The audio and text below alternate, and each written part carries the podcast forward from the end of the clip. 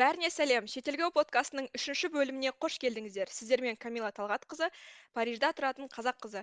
Шетелге подкасты қазақтардың шетелдегі өмірі туралы болады. Бірінші бөлімінде өзім туралы айтқан болатынмын. Екінші бөлімде менің әпкем мажарстанда отызда грантқа түсіп шетелге көшуге болатынын айтқан болатын. Және бүгінгі үшінші бөлімде менің құрбым раминамен болады. Рамина ә, францияда екі мың он жетінші жылдан бастап он жеті жасынан бастап тұрады. Сондықтан бүгін ол франциядағы өмірін туралы айтып береді.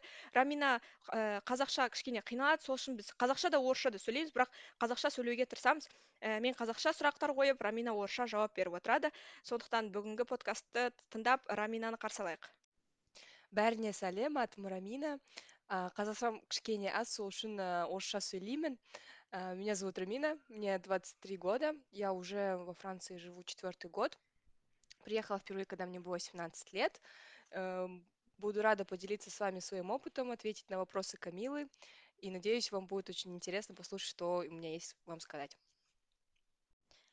рахмет рамина подкастыма қош келдің бүгінгі бөлімде мен сенің ә, франциядағы өміріңе ә, өмірің туралы сұрағым келіп тұр францияға бірінші рет он жеті жаста көшуге саған не мотивация берді және бүкілін айтып берсең біз біздің оқырмандарға қызық деп ойлаймын вообще изначально когда я собиралась поступать э, в университет. Мы когда разговаривали с родителями вообще с маленьких лет я думала что я буду поступать в кбту. Потому что это был такой университет, э, где там было, получается, отношение с Англией, и я думала, что на бакалавр я буду учиться в Казахстане, и потом на магистратуру поеду за границу, по крайней мере, то, что мне говорили мои родители. Но к десятому классу тогда начались разговоры о том, что английское отделение в КБТУ уходит, и, соответственно, в целом вообще мы как-то вот с родителями начали думать о том, чтобы с, именно с самого бакалавра поступить во Францию.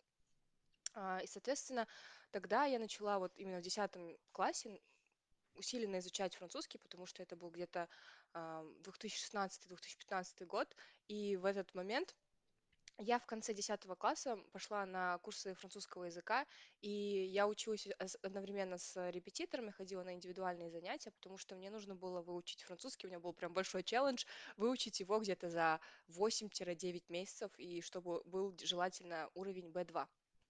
Вот, это был тогда 2015-2016 год. Тогда я, получается, сдала экзамены. Э, есть два вида экзаменов на французском языке. Это DELF B2, DELF B1 и также TCF.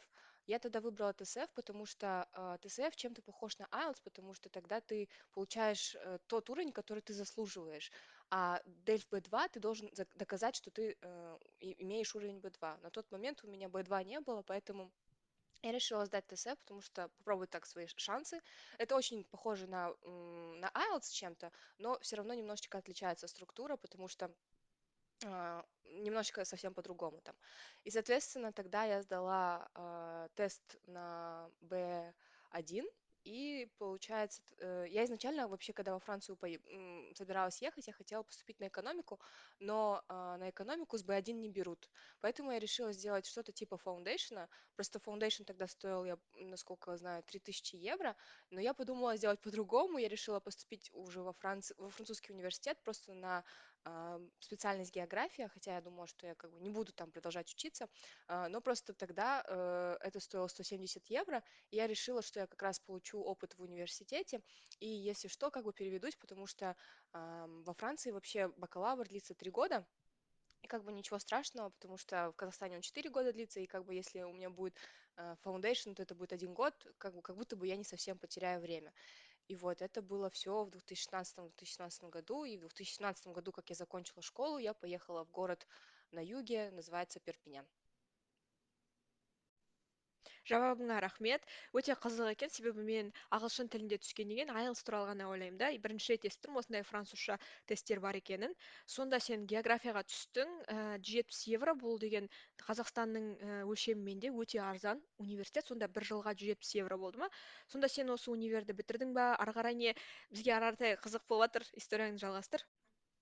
Да, как раз-таки стоимость 170 евро это был очень решающий аргумент в сторону Франции, потому что а, это довольно-таки дешевая цена. Конечно, жизнь здесь не, не такая дешевая, но если так посмотреть, а, это был один из факторов, почему мы выбрали Францию.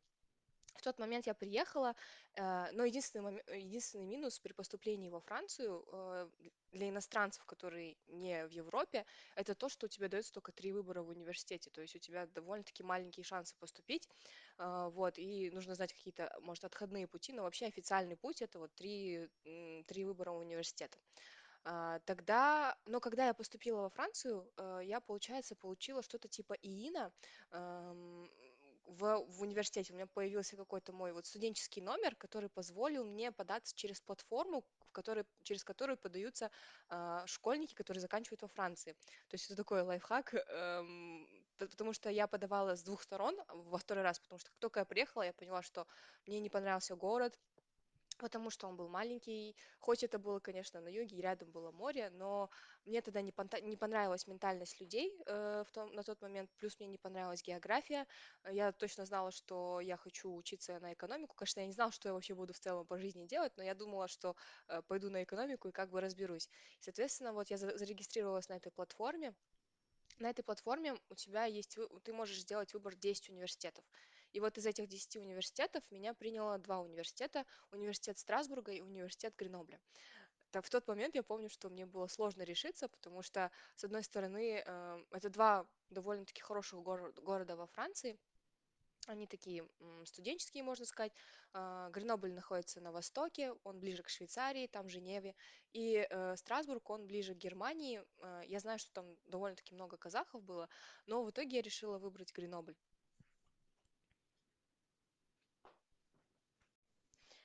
Өте қызық оқиға екен. Сонда сен 17 жасында 18 жасында осыншама универлер таңдап ы, тесттерді тапсырып және әртүрлі жолдарын іздеп өзің түстің иә сонда? Ешқандай центр ешнәрсенің көмегісіз. Ы, бұл керемет деп ойлаймын сенің ы, өзіңнің күшіңді жігерлігіңді көрсетеді. Сонда осы гренобль қаласында бітірдің ба? Гренобль қаласында қандай қызықты?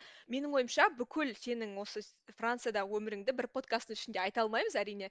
Бірақ та енді гренобльда болған ең қызықты оқиғаларыңды бізбен бөліссең өзіңнің көңіліңнен шықты ма франция немесе бұдан басқа бір нәрсе күткен бе едің? Соны айтып берсең. Спасибо большое, Камил. Да, в какой-то момент, конечно, я занималась этим всем сама, но вначале я помню, когда я только поступала во Францию, мне помог французский альянс, но как только я уехала во Францию, я почти что всем занималась сама, и, и действительно и жилье искала сама, и хотя это, кстати, сложный довольно момент, потому что еще в тот момент не было, не существовало всяких а, сайтов, где можно было гарант оформить, а гарант это э, какой-то доверенный человек, который заплатит за тебя аренду, если ты ее не сможешь заплатить. И в тот момент э, такого не существовало, и мне приходилось искать всякие резиденции, которые принимали без гаранта. Да, это было довольно-таки сложно и интересно одновременно. Но вернусь к твоему вопросу про Гренобль. Когда я приехала, да, получается, в 2018 году я приехала в Гренобль, и эм, я помню, что в тот момент э, я вообще м, немного расскажу о том, что перед тем, как переехать в Гренобль, я вообще думала, стоит ли мне возвращаться во Францию, потому что в Перпиняне, как я сказала, мне было довольно-таки, у меня начался немного такой депрессивный период, потому что а, мои ожидания, у меня были вот такие ожидания, что я приеду, заведу много классных друзей, что будет все классно, но, к сожалению, так не произошло. А, я столкнулась с реальностью того, что эм, одногруппники, они, так как я не совсем разговаривала на французском, я не могла интегрироваться в их общество, потому что это очень важно для французов, по крайней мере, особенно когда они вот в маленькой глубинке живут, они очень редко видят иностранцев, и, соответственно, то есть они не хотят тебя там особо понимать, им как-то, то есть если ты там долго заменя- заним- за, за- занимаешь времени, чтобы там структурировать свою мысль, чтобы сказать, им легче просто с тобой не общаться. Поэтому в тот момент я помню, что я просто часто сидела дома, смотрела сериалы, и я вообще не знаю, конечно, сколько мне хватило, ам, так сказать, смелости вернуться во Францию, потому что я, честно, очень боялась, что опять столкнусь с этим одиночеством, опять что будет так вот. Но я все-таки решила попробовать и на самом деле не пожалела, потому что в Гренобле все оказалось совсем по-другому. Это был уже такой более а, студенческий городок, и, соответственно, там уже было больше иностранцев, и плюс мой уровень французского тогда улучшился, потому что когда я приехала во Францию, я, у меня был где-то уровень B1, я могла разговаривать, но все равно мне было сложно, и поэтому я очень много времени проводила в библиотеке, я переводила все свои лекции, я все-все-все делала, чтобы вот, увели- вот свой уровень французского прям до совершенства почти что довести, потому что это очень такой важный момент, э, не разговаривая на французском, тебе сложно быть принятым вот во французском обществе, это была какая-то, можно сказать, вынужденная мера с моей стороны. Я очень рада, что я э, в какой-то момент себя очень, м, очень много дисциплины сделала в этом плане, что начала изучать французский. Но когда я приехала в Гренобль, у меня все равно как бы уже жизнь по- пошла лучше, стало интереснее на уроках сидеть, плюс еще было легче, потому что у меня уже был опыт университета. Э, Но мне кажется, момент, когда я действительно очень хорошо начала э, знать французский, это началось, когда я начала жить э, с француженкой. Мы с ней, получается, вместе съехались.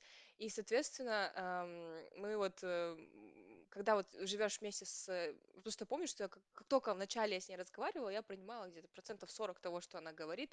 И, но со временем это начало там 60, 70. И в какой-то момент я уже понимала почти все, что она говорит. Это как раз-таки э, очень важно практиковать язык именно с носителями языка, потому что э, приезжая в другую страну, у тебя всегда есть соблазн, особенно если там есть казахи или есть русскоговорящие, начинать э, общаться с русскоговорящими, но если ты хочешь действительно вытащить себя в эту среду, тебе иногда нужно себя форсировать, иногда нужно быть очень проактивным и э, самому идти навстречу э, иностранцам, потому что особенно французы, они не такие, как испанцы, конечно. Мне кажется, вот, вот, вот испанцы, они там, о, привет, то есть, или даже мы, казахи, да, мы увидим какого-то человека, который а, приехал в нашу страну, и мы скажем, о, пошли, давай я тебе помогу, давай я тебе сделаю, давай вот это все сделаем.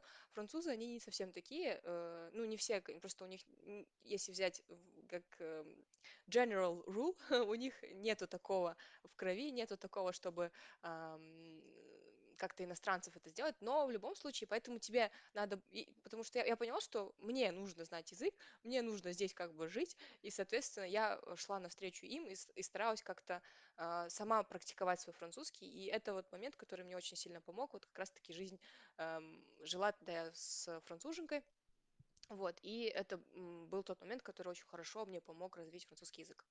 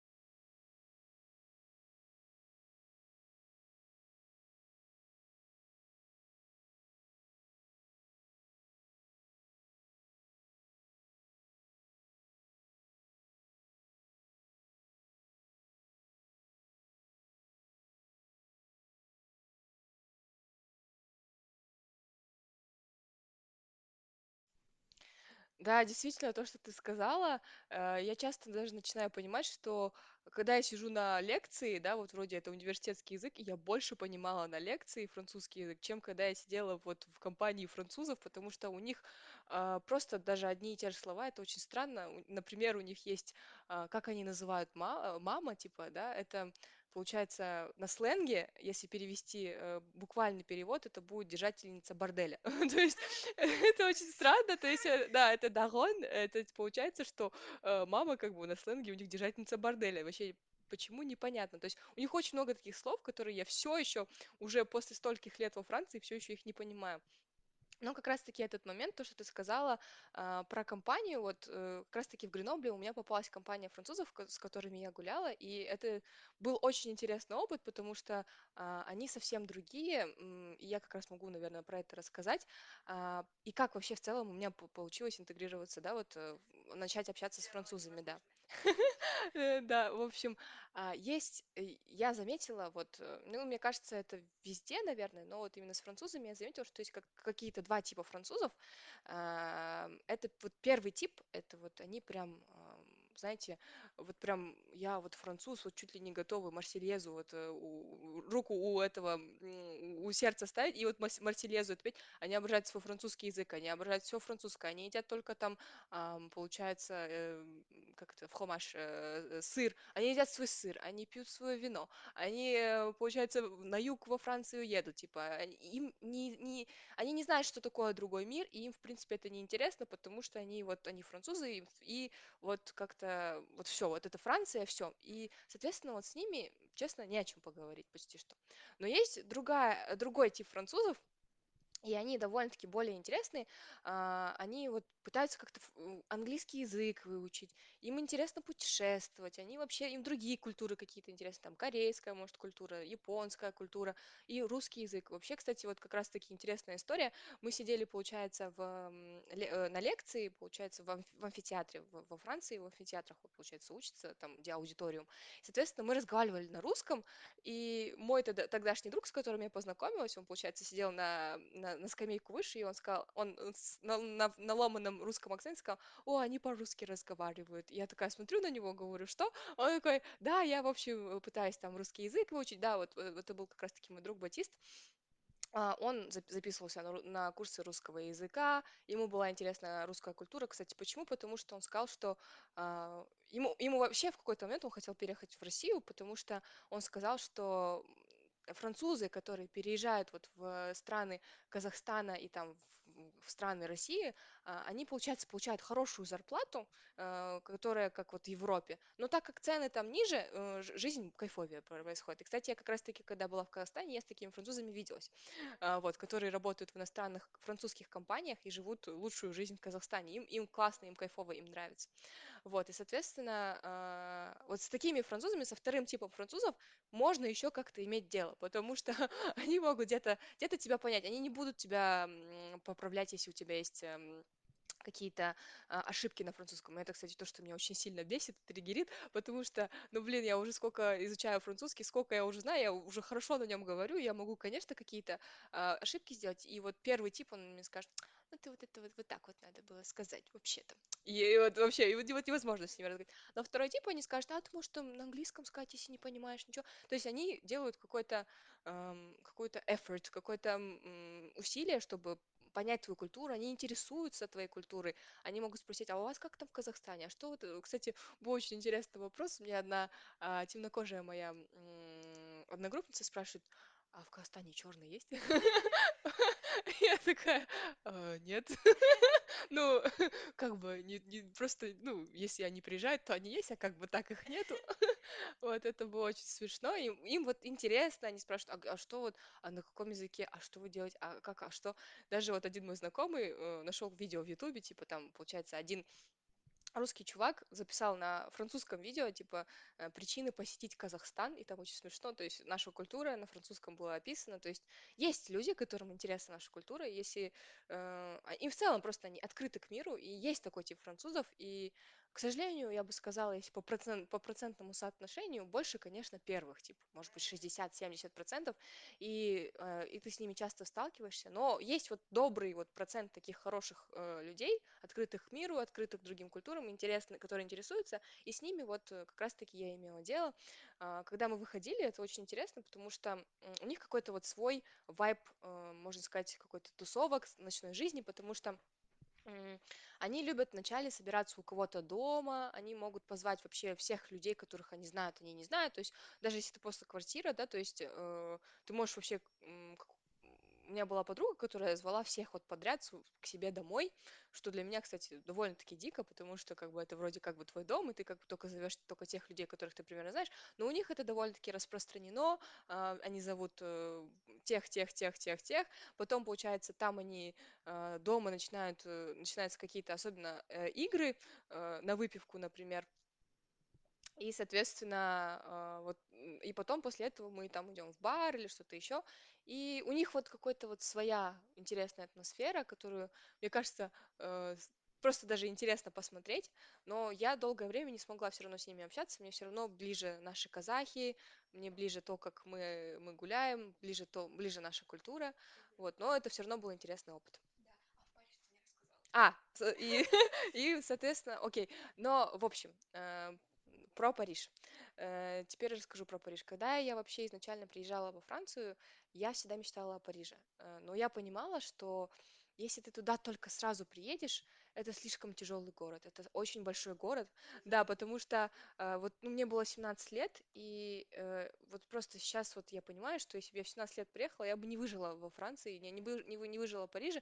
Соответственно, я считаю, что все равно важно получить опыт вот этого маленького города, где ритм не такой большой, ритм не такой, ну, он как бы есть, но так вот. Но я каждый раз, когда приезжала, да, все равно э, в Париж я жила в Гренобле, я жила в Перпиняне, я приезжала в Париж, и я всегда на него смотрела такими мечтательными глазами, потому что я видела такой масштаб, я видела такие большие а, здания, я видела вот э, какой он огромный. Но я понимала, что я еще к нему внутренне как-то не готова, что мне надо немножечко подготовиться к этому а, как-то ментально, финансово, и, соответственно, вот у меня вот в голове вот все равно была такая цель, что да, я вот сейчас я хорошо живу в Гренобле, мне, в принципе, нравилось, но я не смогла больше двух лет там жить, а, вот, но я знала, что да, я вот верну, хочу вернуться в Париж, и получ- у меня получилось вернуться в Париж только спустя два года, потому что а, когда я жила в Гренобле, началась пандемия, и мне тогда родители сказали, «Э, возвращайся домой, мы боимся. И вот я думала, что я только на лето вернусь, но кто знал, что так все это произойдет. И я осталась в Казахстане на два года, как раз-таки я в этот момент работала,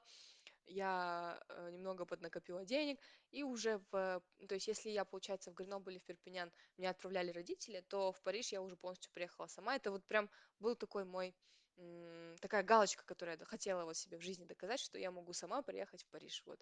И вот это, наверное, история, то, как я сюда приехала э, два года спустя, вот как я была в Казахстане. рахмет үлкен рамина. Иә менің ойымша өзіңнің і мүмкіндігіңмен өзіңнің күшіңмен және өзіңнің ақшаңмен келген кезде ол басқаша сезіледі. Өйткені сен өзің і кішкене индепенденс аласың және і өзіңнің шешіммен келген кезде кішкене өзіңе сенімділік беретін сияқты. Мен осыны жасай аламын әсіресе париждай үлкен қалаға келу парижде қаншама адам тұрады. Париж ең қымбат қалалардың бірі еуропадағы менің ойымша і ол жаққа он жаста келу шынымен де мен өзім де шыдамаушы едім мен өзім жиырма төрт жасымда әрең шыдап жатырмын шынымды айтсам. Күнде инстаграмға ренжіп барлық адамдарға айтып өзім қиналып кеттім деп. Сондықтан мен сені жүз пайыз түсінемін. І енді қазір і парижда сен і мен сияқты магистратура оқып жатрсың жұмыс істеп жатрсың сол туралы айтып кетсең енді і кішкене уақытымыз қалды. Өйткені көп адамдарға қызық болуы мүмкін. Ііі париж енді сенің үмітіңді ақтады ма? Ііі парижда енді ары қаратай тұрасың ба? Өзің і салыстырып қарасаң мысалы қазақстанда екі жыл тұрдың перпиньянда тұрдың парижда. Енді қай жаққа тұрғың келеді не істегің келеді сол туралы әңгіме айтып берсең бізге.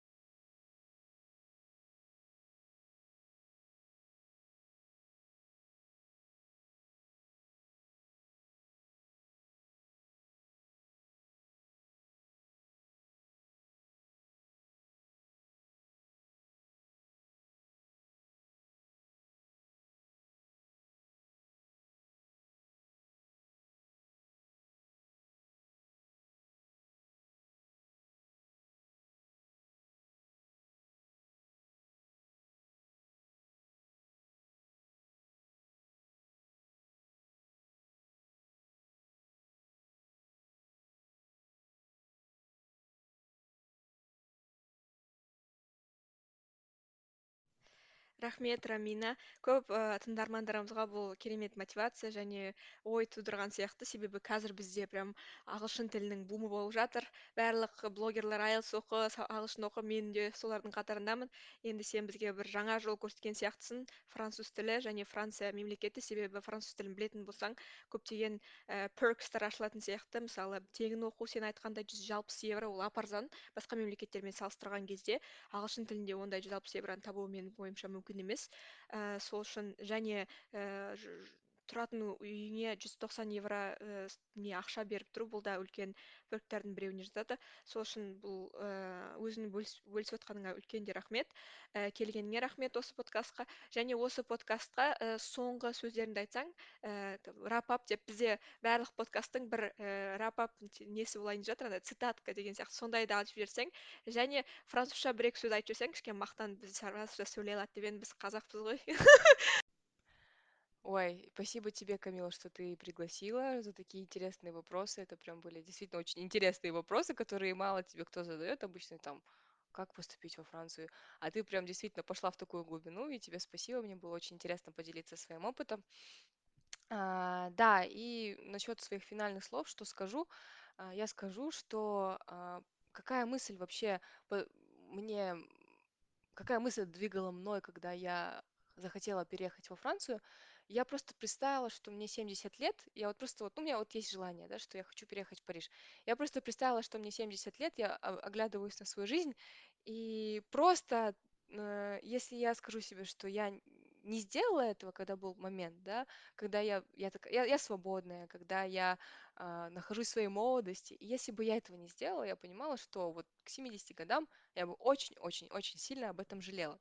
Поэтому, если у вас есть такая мысль и вот что-то вот вас останавливает, просто представьте себя к, к 70 годам, и если вы будете об этом очень сильно жалеть, то я советую вам рисковать, потому что, конечно, есть очень много страхов для пере- по пере- переезду за границей, но а, иногда страх не, ре- не реализовать, он сильнее может оказаться. И вот что случилось в моем случае. Вот, поэтому, а, наверное, я бы сказала, что если у вас есть какая-то мечта, лучше ее исполнить, чем пойти на поводу у тех страхов, потому что иногда реально страшнее не исполнить эту мечту и просто к 70 годам понять, что момент прошел, твоя жизнь прошла, а ты не реализовал того, чего ты хотел, и, соответственно, это, наверное, была главная моя мотивация, почему я приехала, почему я решила а, здесь остаться.